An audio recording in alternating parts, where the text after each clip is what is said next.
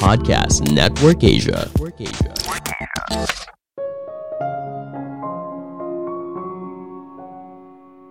Stres itu jangan dilihat sebagai musuh, tapi bisa jadi teman yang membantu kita menghadapi tantangan hidup. Halo semuanya, nama saya Michael. Selamat datang di podcast saya, Sikutu Buku.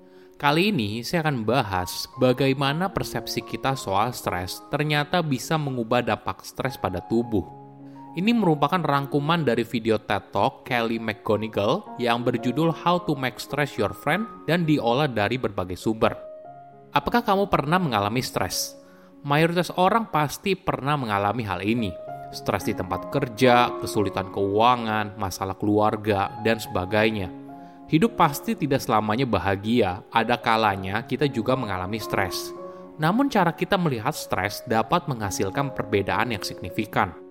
Orang yang melihat stres sebagai reaksi tubuh untuk mempersiapkan kita dalam menghadapi tantangan hidup ternyata mendapatkan manfaat positif dari stres. Nah, menarik bukan? Sebelum kita mulai, buat kalian yang mau support podcast ini agar terus berkarya, caranya gampang banget. Kalian cukup klik follow. Dukungan kalian membantu banget supaya kita bisa rutin posting dan bersama-sama belajar di podcast ini.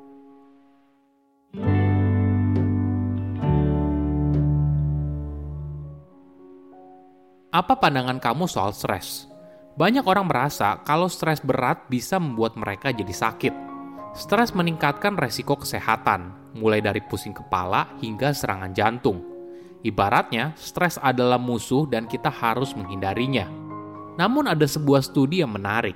Studi ini melacak 30.000 orang dewasa di Amerika Serikat selama 8 tahun dan bertanya kepada para responden, berapa banyak stres yang kamu alami dalam setahun terakhir? Peneliti juga bertanya, apakah kamu percaya stres berbahaya bagi kesehatan? Lalu peneliti menggunakan catatan kematian publik untuk mencari tahu siapa saja yang sudah meninggal. Hasilnya, responden yang mengalami stres tinggi selama setahun lalu, maka orang tersebut punya resiko meninggal sebesar 43%. Namun resiko ini hanya berlaku apabila kamu menganggap stres itu berbahaya. Tapi jika tidak, maka tidak ada pengaruhnya. Studi ini boleh dibilang membuka mata kita soal stres. Ketika kita mengubah pandangan kita soal apa itu stres, mungkin saja hal ini malah bisa membantu kita jadi lebih sehat. Ada sebuah riset yang menarik bernama Social Stress Test. Para responden diminta untuk melakukan dua tes. Di tes pertama, para responden diminta untuk memberikan pidato singkat soal apa kelemahan pribadi mereka di depan para panelis. Panelis selalu berusaha memberikan tekanan kepada para responden untuk membuat mereka stres. Selanjutnya, para responden diminta untuk menghitung mundur dengan cepat.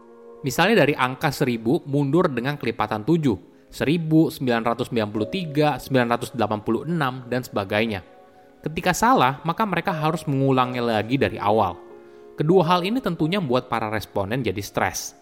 Jantungnya mungkin berdetak lebih cepat, nafasnya menjadi tidak teratur, atau bahkan mulai berkeringat Biasanya kita menganggap semua tanda fisik ini sebagai bagian dari kecemasan atau tanda kalau kita tidak begitu ahli dalam menghadapi stres. Namun bagaimana bila kita melihat stres dari sudut pandang yang berbeda?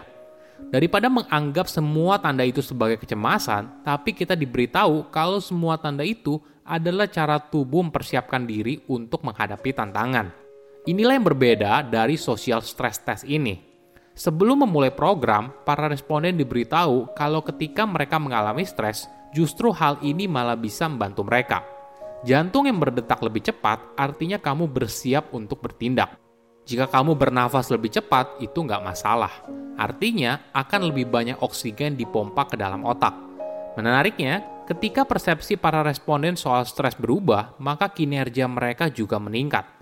Mereka lebih percaya diri, tidak mudah cemas, tapi yang paling menarik adalah bagaimana tubuh mereka bereaksi ketika persepsi mereka berubah.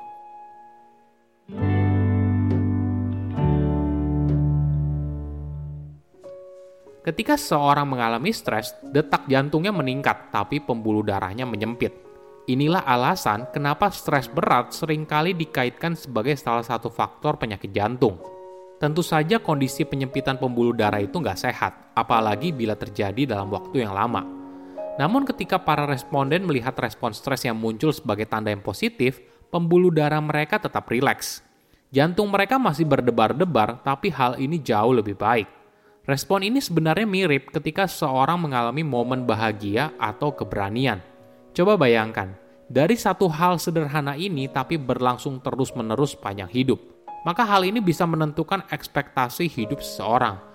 Apakah punya potensi mengalami penyakit jantung pada umur 50 tahun atau hidup bahagia di umur 90 tahun?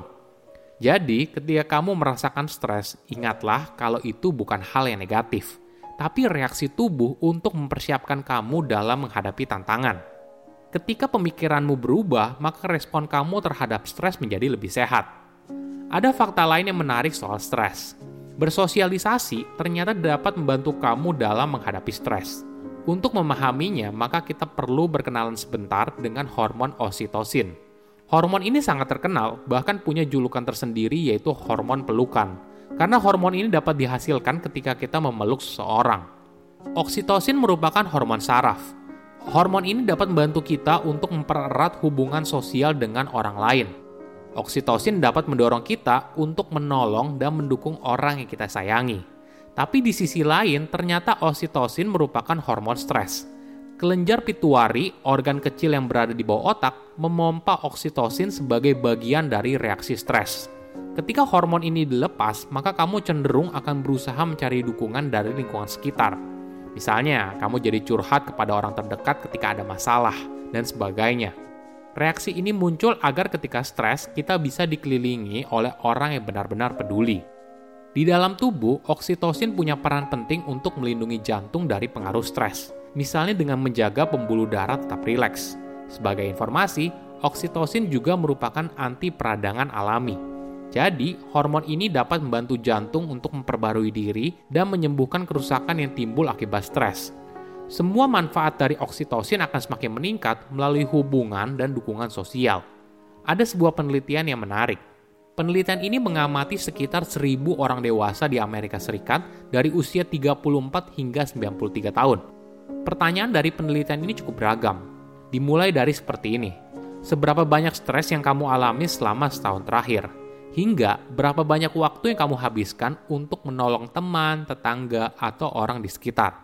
Lalu mereka mencocokkan hasilnya dengan catatan sipil selama lima tahun berikutnya untuk mengetahui siapa saja yang meninggal.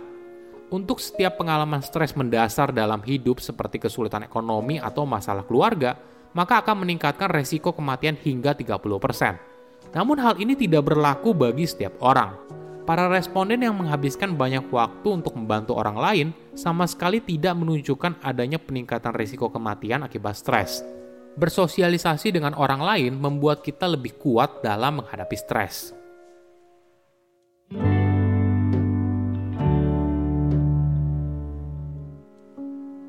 Oke, apa kesimpulannya? Pertama, stres itu tidak berbahaya. Stres jadi berbahaya karena persepsi kita yang kurang tepat. Ada sebuah studi yang menarik.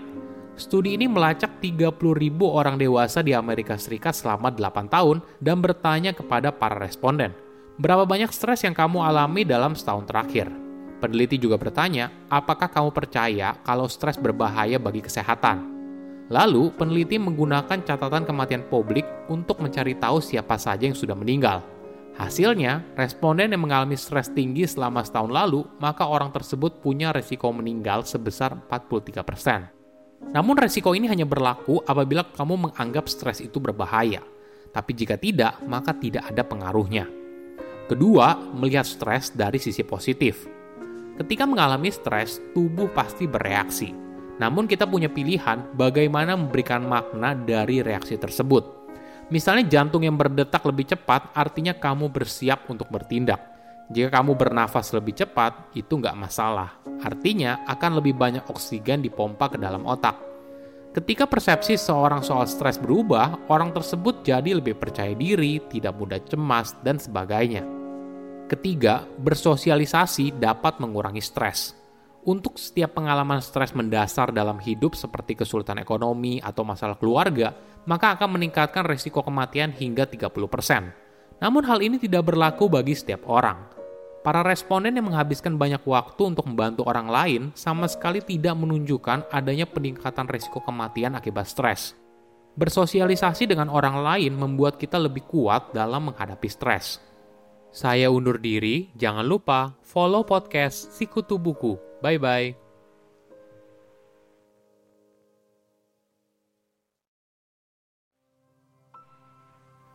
Pandangan dan opini yang disampaikan oleh kreator podcast, host, dan tamu tidak mencerminkan kebijakan resmi dan bagian dari podcast Network Asia.